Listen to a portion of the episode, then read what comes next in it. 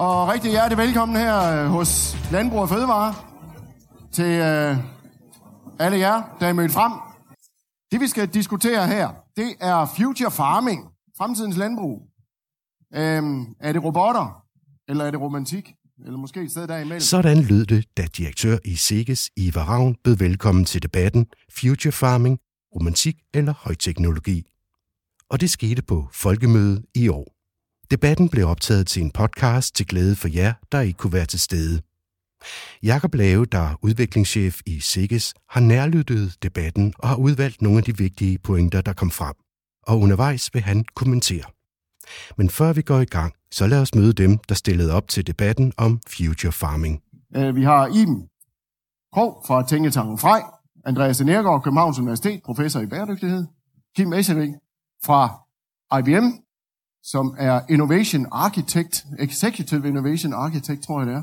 Henrik Byager, som er livsstilsekspert, øh, og har et godt blik for, hvad forbrugere synes og mener, og selv bor i 2100 spælt i København.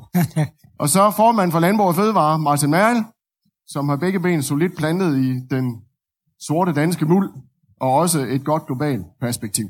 Et kompetent panel og en yderst vigtig debat ifølge Jakob Lave. Vi har nogle muligheder, vi skal kigge ind i i forhold til et fremtidigt landbrug. Vi har været meget fokuseret vidensmæssigt på landmanden i et et til to års sigte, fordi at øh, typisk har, har det været presset erhverv øh, siden øh, finanskrisen, og vi mangler stadigvæk det endelige gennembrud. Og det gør, at øh, vi har lavet en tænketank, øh, bestående af både forskere, af virksomheder øh, inden for landbruget og lidt udenfor faktisk også, og landmænd, der skal prøve at give nogle bud på, hvad skal landmanden leve af om 5-10 år. Netop det her område blev der diskuteret på den her debat, Future Farming, øh, øh, romantik eller højteknologi, øh, på folkemødet på Bornholm her i, i forsommeren. Øh, og det har så valgt at tage afsæt i i forhold til, til nogle emner og nogle temaer, som er meget relevante for, for netop det her med, hvad skal landmanden leve af.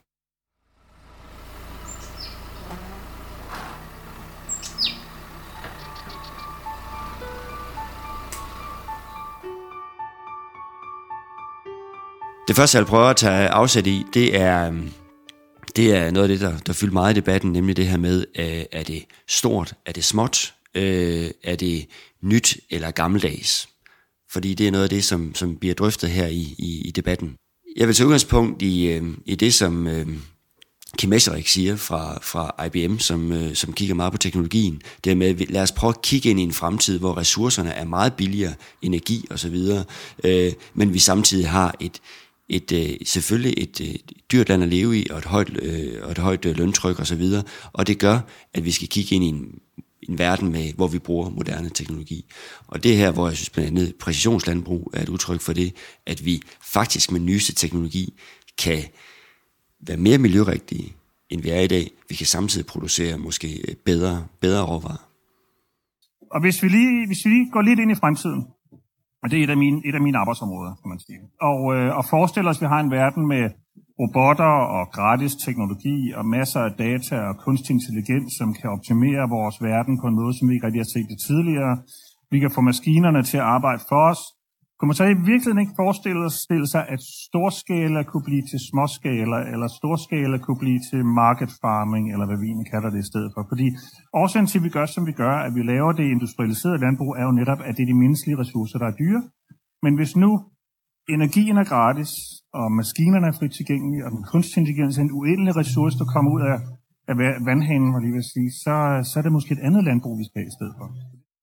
Men det vil jeg også godt koble med, med, øh, med noget, som, som formand for Landbrug og Fødevare siger, Martin Merkel, at vi også skal passe på, at vi ikke bliver forblåret i forhold til det romantiske, fordi vi jo i bysamfundene i dag ikke kender en landmand længere. Og det gør, at øh, vi er også nødt til at være realistiske og sige, at vi vil fortsat, vi insisterer på, at vi fortsat vil have en stor landbrugsproduktion i Danmark, fordi vi har en kæmpe eksportværdi af det, og det er en del af vores, det definerer vores land, og der er vi nødt til at kigge på tonnage, altså mængde over for romantik. Og, og derfor så er jeg enig i, øh, i det, som, øh, som egentlig både Martin er inde på, men også forbrugerekspert Henrik Byer at øh, vi skal lave bedre varer, men vi skal ikke nødvendigvis øh, kigge på pris alene. Og lad os lytte til formand for Landbrug og Fødevare, Martin Meril, og her livsstilsekspert Henrik Byer. Der er jo sådan en sjov tradition i dansk landbrug. Det er jo det eneste erhverv, der konsekvent forsøger at skælde ud på sit marked og sine forbrugere. Øh, det er jo simpelthen det, man er allerbedst til at fortælle folk, at de tager fejl i alle de opfattelser, de har, hvor den normale markedstænkning, den går jo ud på at finde ud af, hvad det er, forbrugerne gerne vil have, og så give dem det. Og du kommer jo fra Horsens, øh, som er en fængselsby, så du har jo kan jeg så sige som, som øh, parallel, at du har lyst til at sætte dem i fængsel, de her forbrugere, og give dem lidt opdragelse i, hvad det egentlig vil sige at lave ordentlige fødevarer, for det har de jo aldrig forstået. Øh, hvis vi skal se fremad, det siger man jo altid, når man har nogle problemer og gerne vil videre, hvis vi skal se fremad her i dag, og det skal vi, så skal vi have en, en, en ny relation til markedet og en ny relation til øh, forbrugerne. Så kan man spørge sig selv, kan vi alting herhjemme? Kan vi være de bedste til at lave meget? øh, eller kan vi være de bedste til at lave mindre, som man tjener flere penge på? Og der vil jeg altså bruge det gode amerikanske udtryk, der hedder follow the money. Øh, hvor er der flest penge at tjene? Og det er der efter min mening ingen tvivl om, hvad vi skal. Vi skal være bedre til at lave højere kvalitet, som en, en voksende verden gerne vil øh, købe. Og hvis man i det narrativ kan få øh, ny teknologi til at virke som noget, der bringer fødevareproduktion tættere på de idealer og krav, forbrugerne har, så er der ikke nogen problemer i det. Men hvis man bruger den til at bestyrke de øh, fordomme og øh, den mistro, som findes på nogle områder, jamen så er det jo bare øh, mere af den samme dårlige historie. For det så tror jeg, at den tendens, vi jo har nyt godt af de sidste to-tre generationer, nemlig den teknologiske udvikling i landbruget, som har betydet, at vi har produceret bedre og bedre varer til billigere og billigere priser, så vi kan bruge nogle ressourcer på nogle andre ting, at vi for eksempel kan have et samfund med uddannelse udbredt til alle, vi kan have sundhedsvæsen osv., det tager jo dybest set udgangspunkt i, at vi ikke skal bruge vores kræfter på at producere mad. Det er der nogle ganske få mennesker, der kan gøre, og det gør vi af højere og højere kvalitet. Og at når vi, så, når vi har et landbrug i Danmark overhovedet, i, et af de, eller i det land i verden, der har en eksport af betydning af fødevarer, som suverænt har de højeste omkostninger. Når vi har det, så er det jo fordi, vi har været i stand til at udnytte de teknologiske muligheder for at nedsætte forbruget af arbejdskraft, og vi har været i stand til, i modsætning til det Henrik siger, lige præcis at follow the money og finde de kunder, som vil betale den ekstra pris for at få kvalitetsfødevarer i Danmark. Og det skal vi selvfølgelig bare bruge teknologien, teknologien til at blive ved med at give forbrugerne de rigtige varer, men i særdeleshed en tryghed, uafhængig af, om det er de varer, vi producerer i større mængder, eller det er de varer, vi producerer i mindre mængder. Og så må jeg bare lige fortælle, at når jeg sådan kigger tilbage på den udvikling, vi har oplevet i de senere år, hvor bevidstheden om, hvad vi spiser, har været stigende, så har landmændenes lyst og vilje til at producere de nye varer, altså konsekvent været større end forbrugernes reelle vilje til at købe dem ude i butikkerne. Øhm, og der vil jeg godt tage frem også, at vi øh, altså udfordrer, jeg vil også gerne øh, måske sådan nuancere debatten lidt, ved at sige, det er jo ikke kun fødevarer, vi laver i det her land, øh, på, på landbrugssiden. Det er også energi. Det er også øh, virks- store danske virksomheder som Novozymes og andre, der kigger på sidestrømmen. Hvad kan vores produkter også?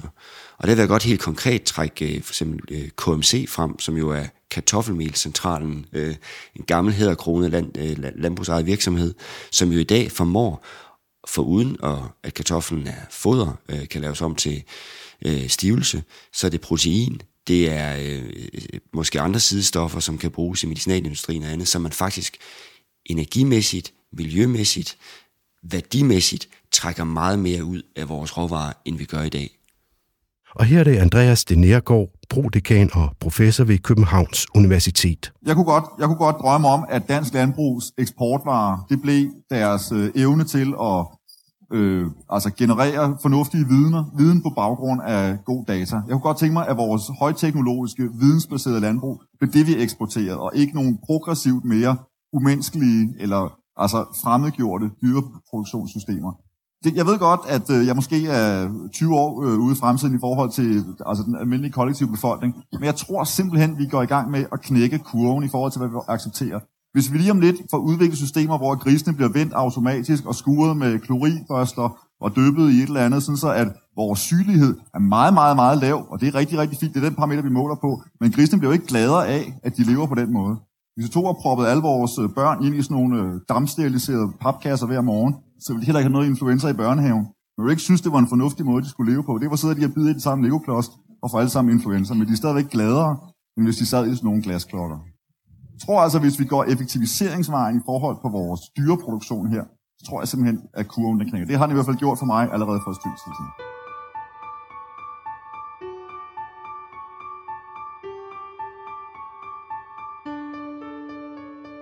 Teknologi er jo ikke det spændende her i sig selv. Det spændende er jo, hvor vi gerne vil hen, Iben Krog fra Tænketanken Frej. og hvad det er så teknologien kan bidrage med. Altså det vigtige er jo visionen, og så derefter er teknologien jo bare et redskab. Yes. Så det, som jeg kunne drømme om for landbruget, det var, at landbruget rent faktisk siger til os, hvor vil I gerne hen?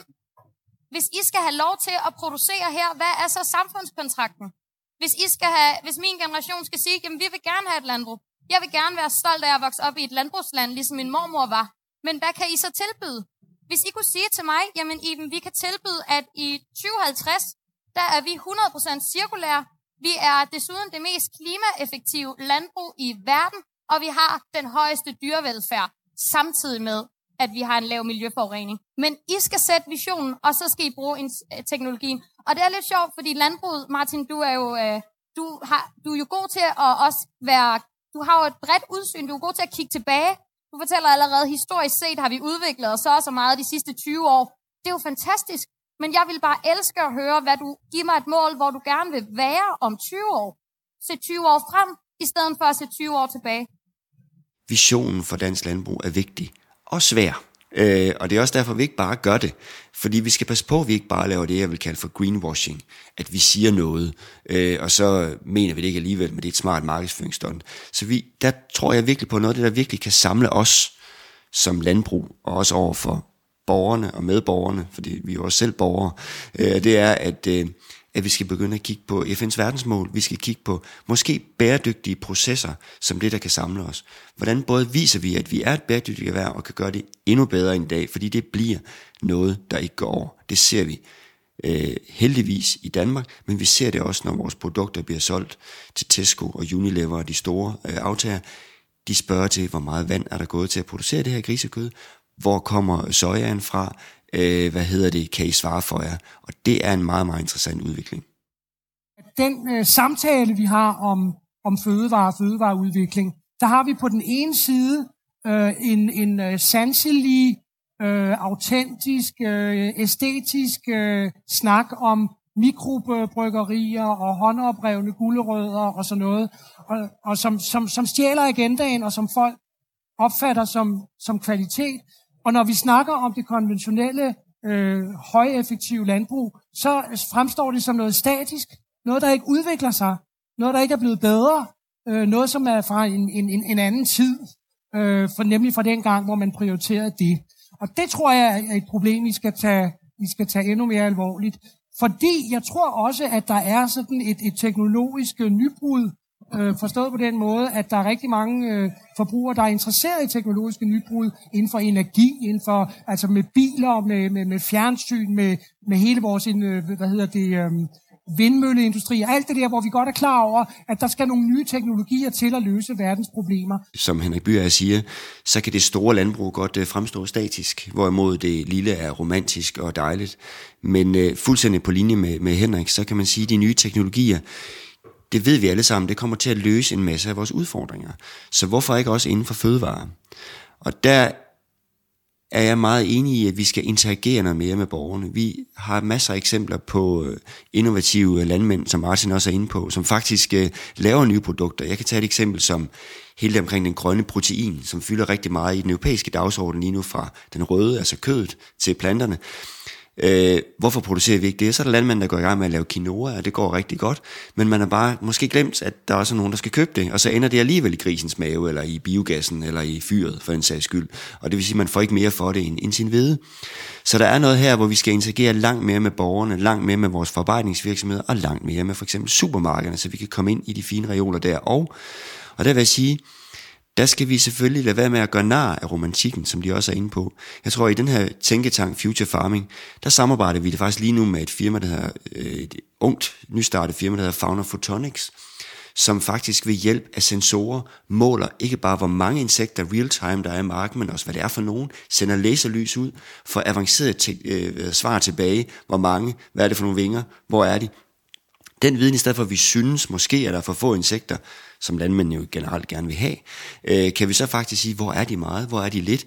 Kan vi skabe en biotop, der ligner den op ved Thy, fordi der er der mange øh, et sted nede på Sjælland, så vi faktisk også, tror jeg, kan vinde rigtig mange forbrugere og borgere på den måde, vi ikke bare synes, der skal være flere bier, men faktisk kan måle dem, se dem, øh, hvor det virker og hvor det ikke virker.